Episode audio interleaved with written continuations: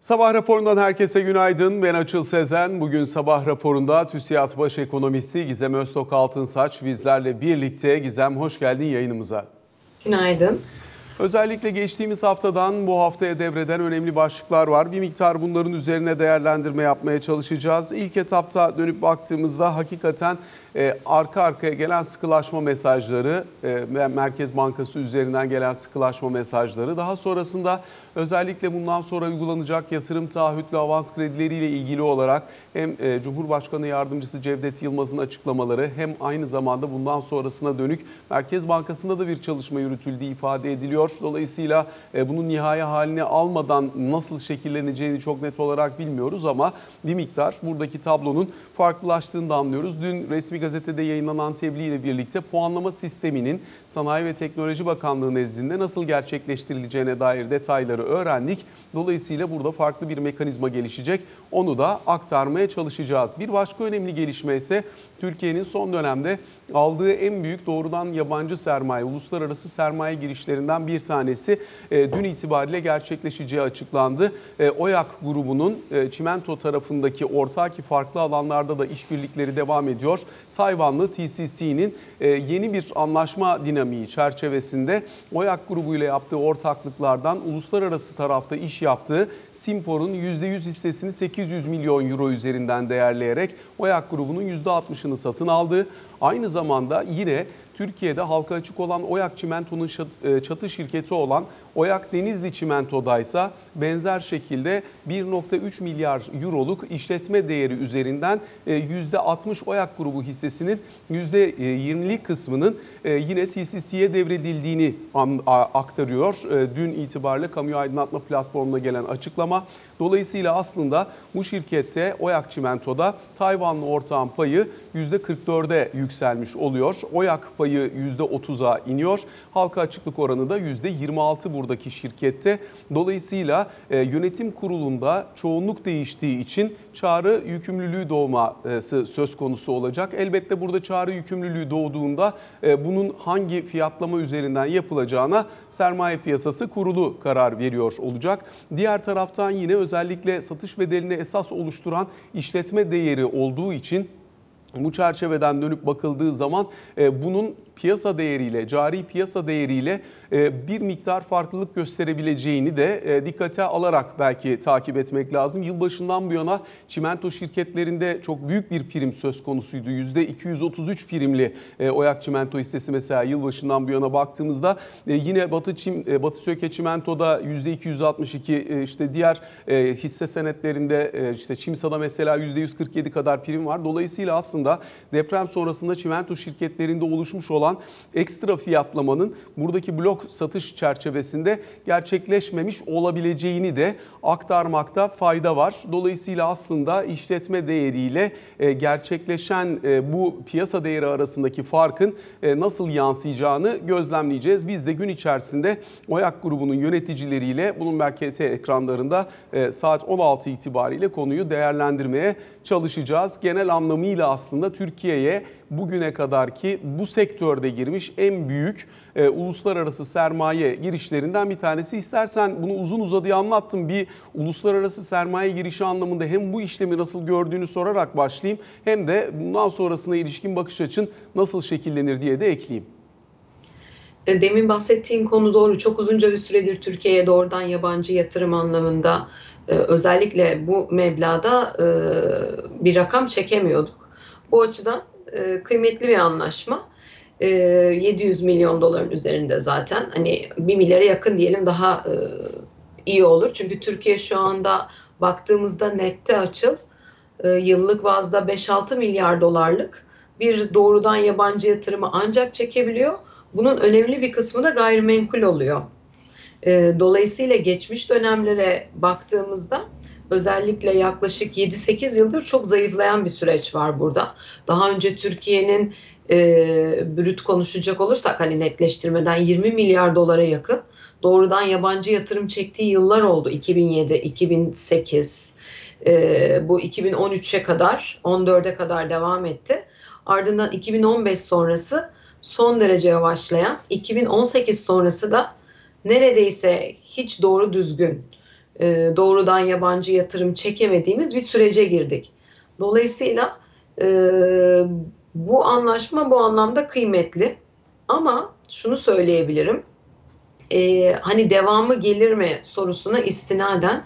Şimdi biz normalde seninle hep burada e, bir akım, bir flow beklediğimizi konuşuyoruz ama daha çok portföy bacağından ve doğrudan yabancı yatırımlar açısından zor olduğunu da dönem dönem değerlendiriyoruz. Belki bu anlamda Türkiye yenilenebilir enerji tarafında gene bir takım e, akımlar çekebilir doğrudan yabancı yatırım anlamında. Ama toplama baktığımızda buranın sekte uğramasının temelde iki sebebi vardı. Bunlardan bir tanesi hukukun üstünlüğü konusunda soru işaretlerinin doğmuş olmasıydı. İkincisi de ekonomide öngörülebilirliğin son derece azalması, yüksek enflasyon ve TL'deki şiddetli değer kaybıydı ve olası şiddetli değer kayıplarıydı. Ee, şimdi burada e, ikinci kısım biraz kontrol altına giriyor gibi gözüküyor. Yani makro istikrara dair bir adım atılıyor. Bu belki bir miktar e, buraya olan akımları canlandırabilir ama geçmiş dönemdeki performansımızı yakalamamız için diğer faktörleri de yerine getirmemiz gerekiyor. Toplamda olumlu elbette ki bu e, deal. Bu arada aslında biraz önce sen de bahsettin. Ee, hani bundan sonra özellikle e, uluslararası sermayenin gelebileceği farklı alanlar özellikle yenilenebilir enerji gibi dünkü e, bu açıklamanın ardından belki şunu da değerlendirmek lazım. Bu hani OYAK grubunda da belki e, bu satışın temel gerekçelerinden bir tanesini oluşturuyor olabilir. E, portföyü içerisinde ağır sanayi olan özellikle e, karbon izi yüksek olan da bir yapıdan işte bir, bir tarafta çimento bir tarafta demir çelik biraz daha kendi e, odaklandıkları ve daha önce başarılı operasyon gerçekleştirdikleri örneğin Hektaş gibi alanlar var. Biraz daha yeşil alanlara aynı zamanda dün yine e, OYAK grubu e, başkanı e, yine e, Süleyman Savaş Erdem'in de açıklamaları var.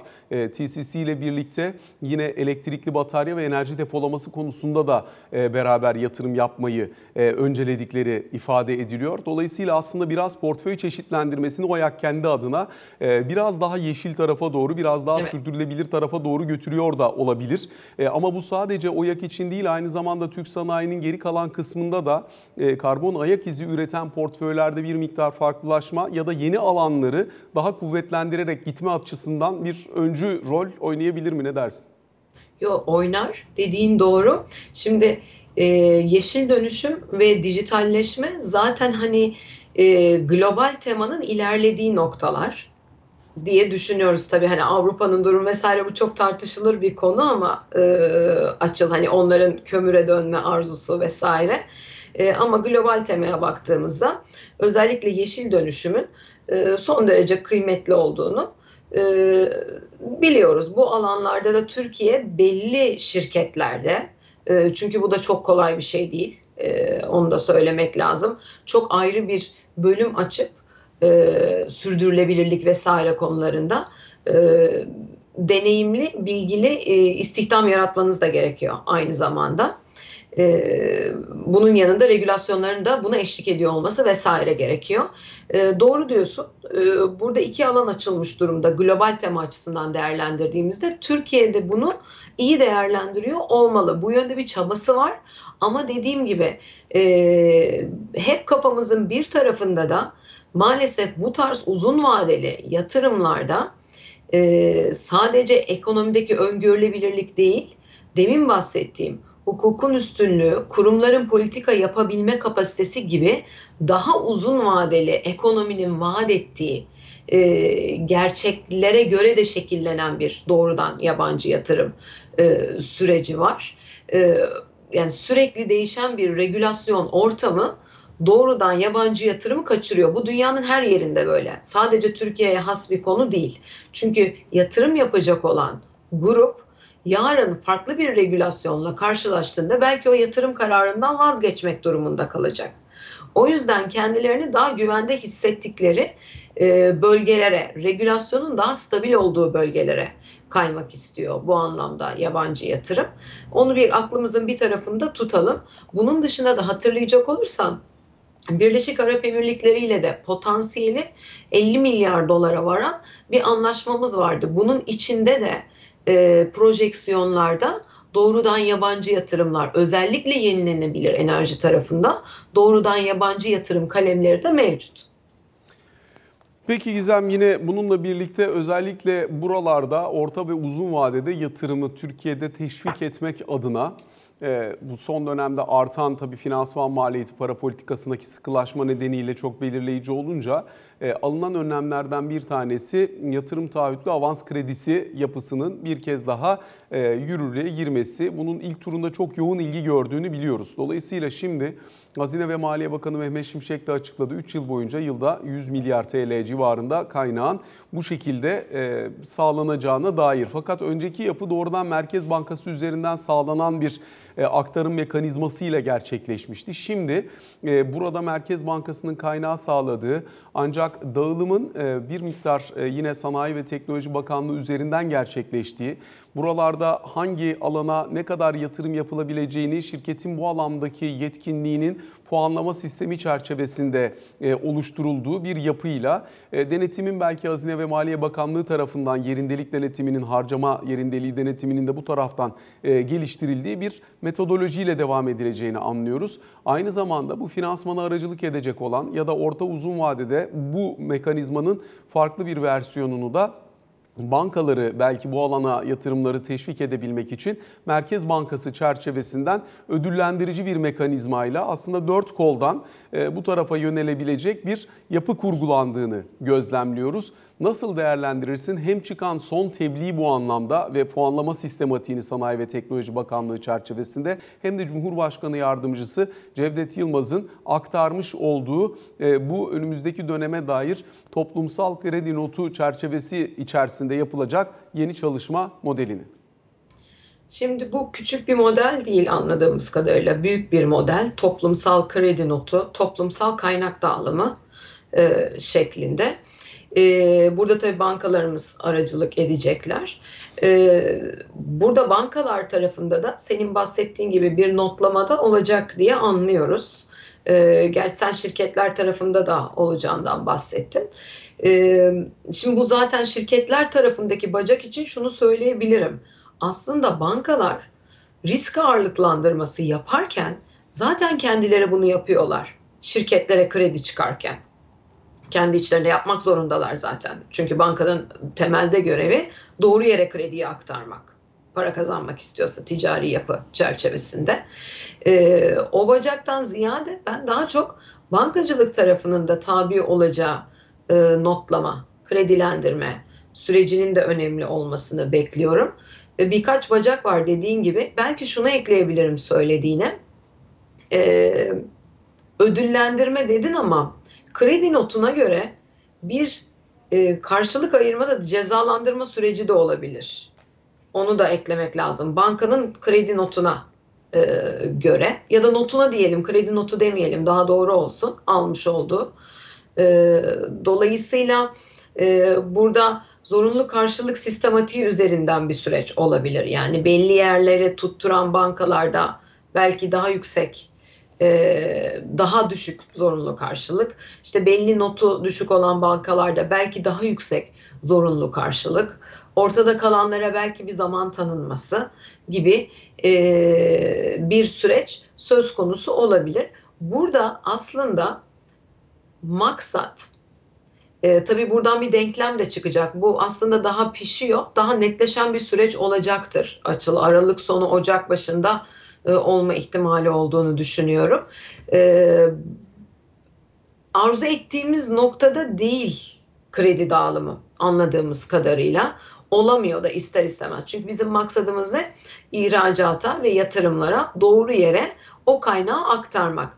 O kaynağın e, maliyeti de e, yükseliyor bu arada. Mevduat maliyeti yükseliyor, kredi maliyeti de yükseliyor ve dönem dönem net faiz marjının bile sıfıra yaklaştığı gene konuşulan konulardan. Dolayısıyla burada zorlanan bir bankacılık süreci de var ya da kredi süreci diyelim. Ve ekonomiyi böyle çok hızlı baskı altına almadan ihracat ve yatırım kredilerine bir şekilde daha şiddetli bir dokunuş yapılmak isteniyor. Anladığım kadarıyla bu mekanizma da ona yönelik dizayn ediliyor. Ama e, böyle şu anda bizim bence konuştuğumuzdan daha detaylı daha büyük ve ilerleyen vadede sektörü şekillendirme ihtimali de olan bir mekanizma diye anlıyorum ben bankacılık açısından bakıldığında. Kredilerde ne kadar işe yarayacaktır? Onu izleyip göreceğiz. Hepsinin önünde muhtemelen bir çarpan olur. Yani normalde bu iş böyle işliyor. Kobilere, tüketiciye, ihracat kredisine, ithalata, tarım, e, pardon ithalata diyorum yatırıma, tarım kredilerine bunların hepsinin bir ağırlıklandırılması vesaire söz konusu olabilir. Bunun dışında da bir nota ulaşacak herhalde anladığım kadarıyla bankalarımız. Oradan ilerleyen bir süreç olacak gibi gözüküyor ama detayları tam netleşmeden de e, hani e, yanıltıcı yanlış bir cümle kurmak da istemiyorum açıkçası. Onu söyleyebilirim ama bence bundan sonrasında kredi sürecini daha derinden şekillendiren e, bir çalışma e, var gibi duruyor.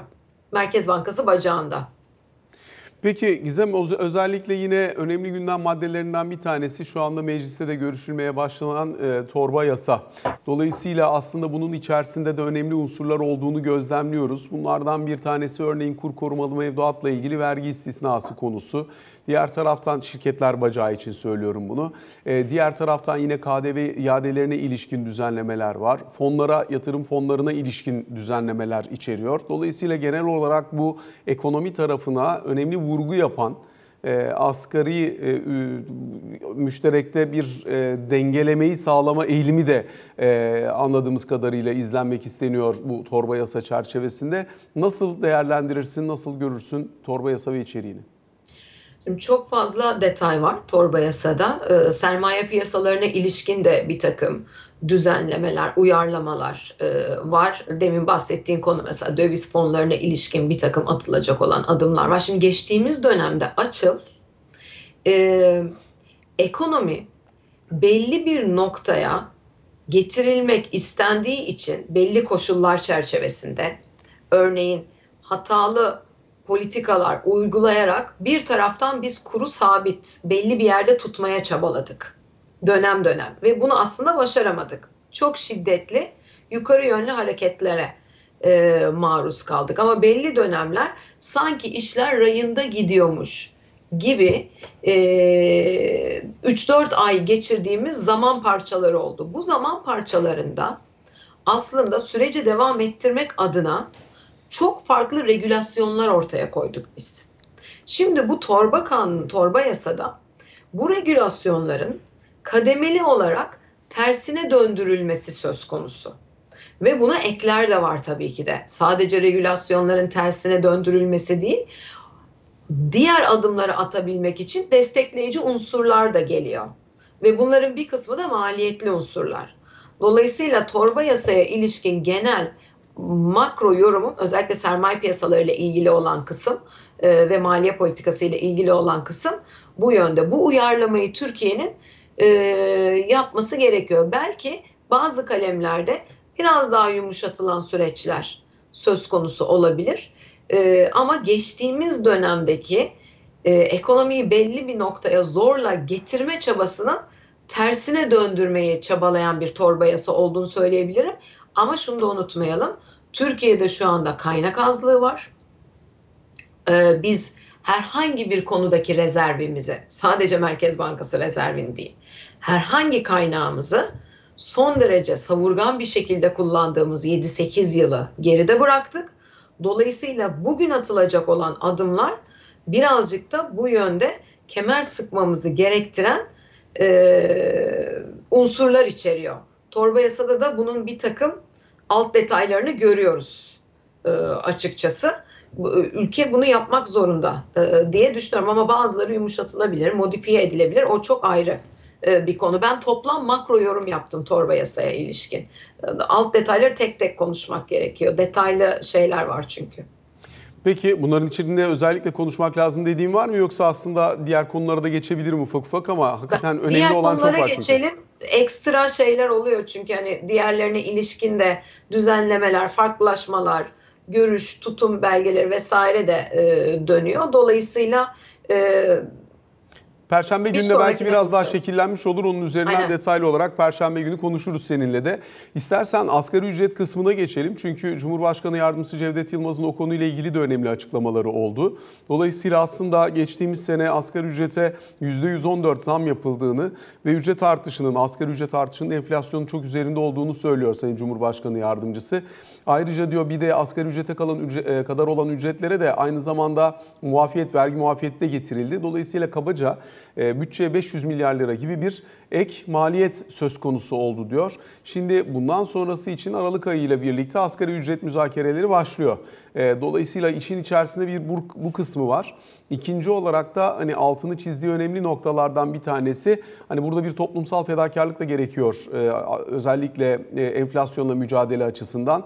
Bütçede de elimizi aynı zamanda zorlayan bir kuvvetli deprem maliyeti olduğunu da unutmamak lazım diyor ve e, emekli maaşları ile ilgili olarak e, özellikle 7500 liranın altındaki maaşlar için ellerinden geleni yapacaklarını daha e, makul bir seviyeye getirmek isteyeceklerini söylüyor ama önümüzdeki dönemde e, hem asgari ücret konusunda hem ücret artışları konusunda biraz daha muhafazakar gidileceğinin de sinyalini almış oluyoruz. Nasıl değerlendirirsin? Evet, bunun sinyalini almış oluyoruz. Zaten e, Maliye Bakanımızın açıklamaları da bu yöndeydi. Yönlendirmeleri de böyle olması gerektiği e, yönündeydi ama sonucun ne olacağını biz zaten Ocak'ta e, daha net e, anlayacağız. Şimdi biraz geriye saralım. Enflasyonun üzerinde e, artışlar olduğundan bahsediliyor. Fakat tabii açıklanan enflasyonun üzerinde artışlar oluyor. Satın alma gücüne baktığımızda özellikle düşük gelirli kesimin son derece baskı altında kaldığı e, ve her yıl bunun arttığı bir dönemi geride bıraktık biz. O yüzden çok böyle rakamları telaffuz etmek istemiyorum ama aslında süreç çok da böyle enflasyonun üzerinde e, rakamsal olarak doğru ama satın alma gücüne baktığımızda e, ve o gözlemi yaptığımızda toplumda e, her kesimin satın alma gücünün e, belirgin şekilde düştüğü zamlara rağmen bir süreçten geçtik. Ha toplumun belli bir kesiminde çok ciddi bir servet transferi olmuştur doğru ve gelir dağılımı değişmiştir, bozulmuştur daha da. Bu da doğru. Belli bir kesimde refah etkisi oldu bunların sonucunda, bu hatalı politikalar sonucunda. Bunu e, maalesef birkaç kere dile getirmek durumunda kalıyorum. Çünkü biz bu süreci e, yani göz göre göre izleyerek yaşadık ve bugün geldiğimiz noktada e, genelde böyle oluyor açıl. Diğer ekonomiler için de geçerli. Hep daha düşük gelirli kesimin daha şiddetli baskı altında kaldığı süreçler yaşanıyor. O yüzden toplumsal refahı sağlamak istiyorsak en baştan bu enflasyonu bu kadar rayından çıkarmamamız gerekiyordu. Bugün bu tartışmayı çok zorlu buluyorum.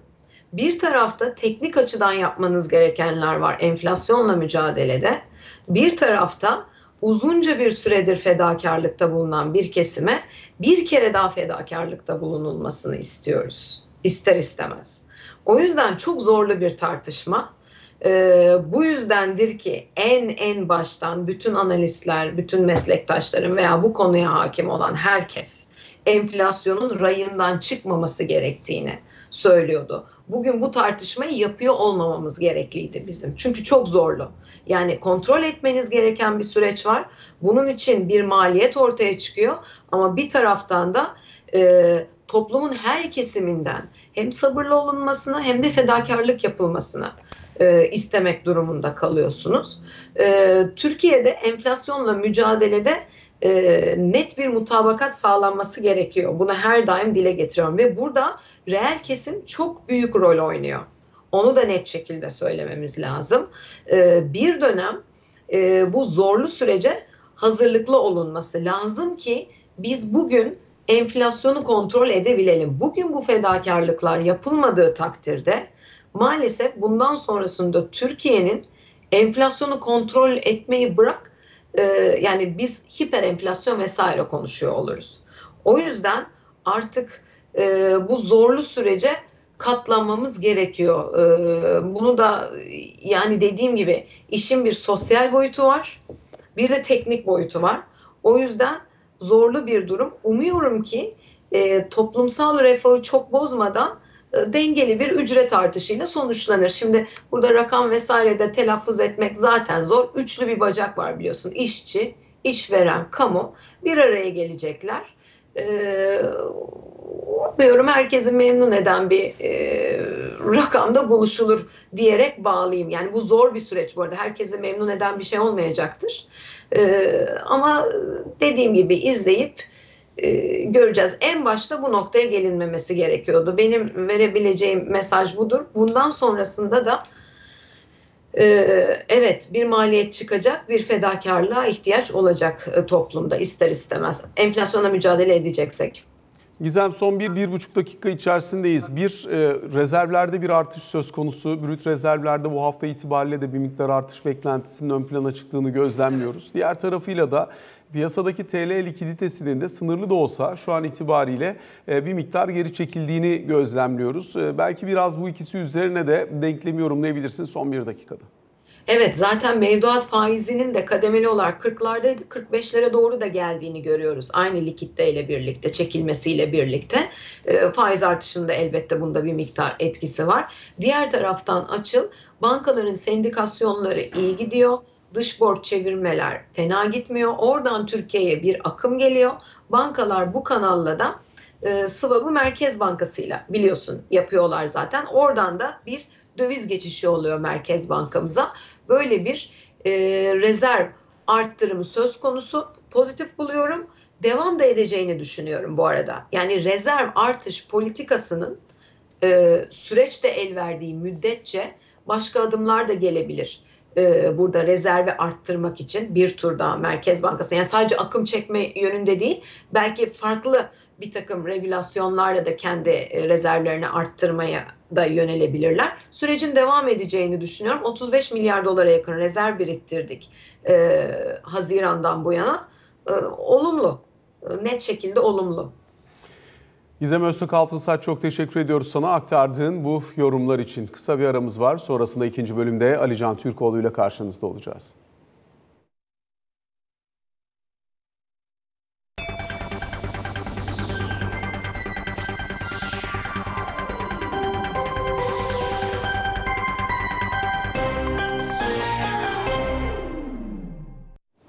Sabah raporunun ikinci bölümünde Alican Türkoğlu ile birlikteyiz. Alican günaydın. Günaydın.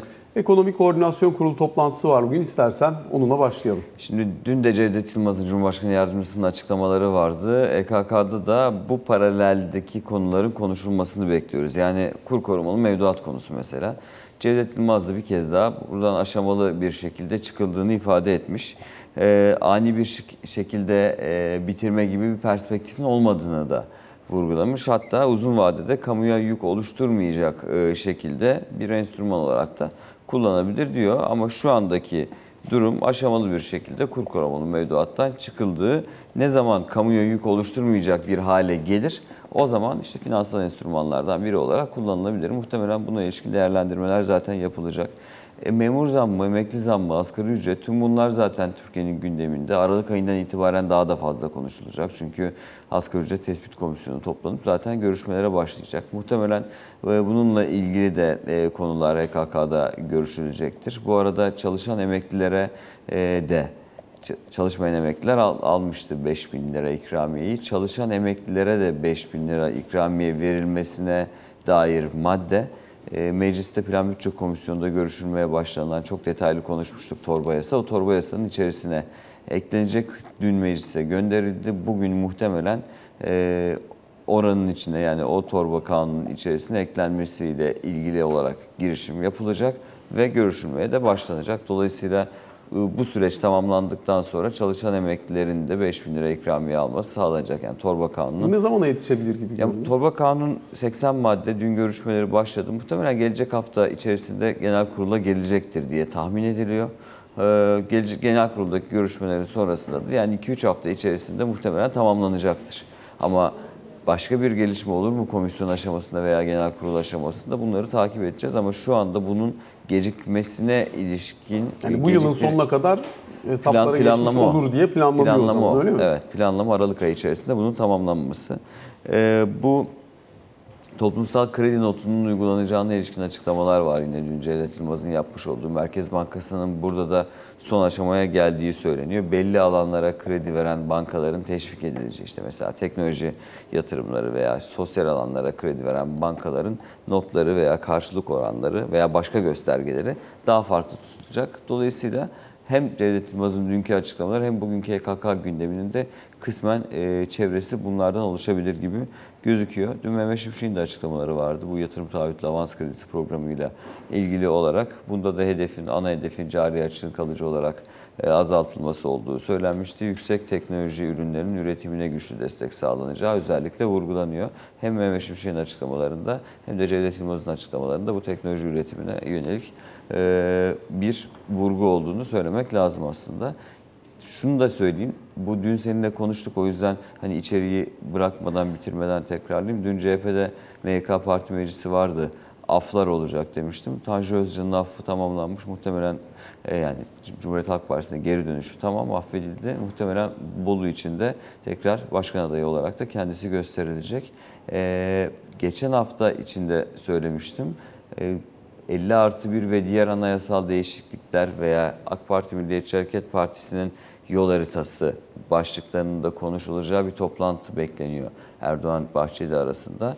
Bugün grup toplantısı var Milliyetçi Hareket Partisi'nin.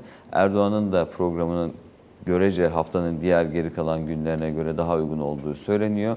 Ee, Türkiye Büyük Millet Meclisi'nde grup toplantısı sonrasında bir Erdoğan-Bahçeli görüşmesinin bugün olma ihtimalinin çok olduğu Ankara'da konuşuluyor. Onu da aktarayım. Peki geçelim buradan İsrail-Gazze çerçevesine. Ee, Burada ateşkesin iki gün uzatıldığına dair haber akışı var. Bu elbette sevindirici ama sonrasında ne olacak diye de sordurucu tabii. İşte sonrasındaki akış hala bu iki gün içerisinde yapılacak temaslara bağlı olarak değişecek. Yani İsrail'den yani geçtiğimiz gün Gazze'ye giden Netanyahu'nun oradan yaptığı açıklamalar, yine İsrail Savunma Bakanlığı sözcüsünün ordunun bir sonraki aşamaya hazırlandığını hazırlandığını yönelik açıklamaları İsrail'in ateşkes bittiği anda saldırılarını çok yoğun bir şekilde devam ettireceği yönündeki durumu ortaya koyuyor aslında. Ama biliyoruz ki Türkiye, Katar, Mısır hatta Amerika Birleşik Devletleri Avrupa'daki birçok başkentteki yürüyüşler nedeniyle bazı Avrupa başkentlerinde söylem değiştirmeye başladığını da gördük bu hafta içerisinde. Dolayısıyla bu iki gün çok yoğun bir şekilde bu sürecin artık ateşkesin kalıcı hale gelmesiyle tamamlanması yönündeki e, uğraşların devam ettiğini göreceğiz gibi gözüküyor. Bugünden bir şey söylemenin imkanı yok. Ancak rehinelerin serbest bırakılması, aynı zamanda İsrail hapishanelerindeki Filistinlilerin de serbest bırakılmasıyla devam eden bir süreç var. İki günde de aslında tamamlanmıyor bu. Yani iki gün içerisinde bırakılacak rehinelerle Hamas'ın elindeki rehinelerin tamamı bırakılmış olmuyor. Keza zaten İsrail hapishanelerindeki Filistinlerin sayısı çok daha da fazla. Dolayısıyla bu süreç rehinelerin daha olması sebebiyle daha da uzatılabilir gibi gözüküyor şu anda. Ama bu iki gün içerisinde e, şu andaki mevcut ateşkesi bozacak bir gelişme olur olmaz onu da şu anda bir şey söyleyemiyoruz. Alican çok teşekkür Ben ediyoruz teşekkür sana. ediyorum. Aktardığın yorumlarla birlikte sabah raporuna son noktayı koymuş oluyoruz. Hoşçakalın.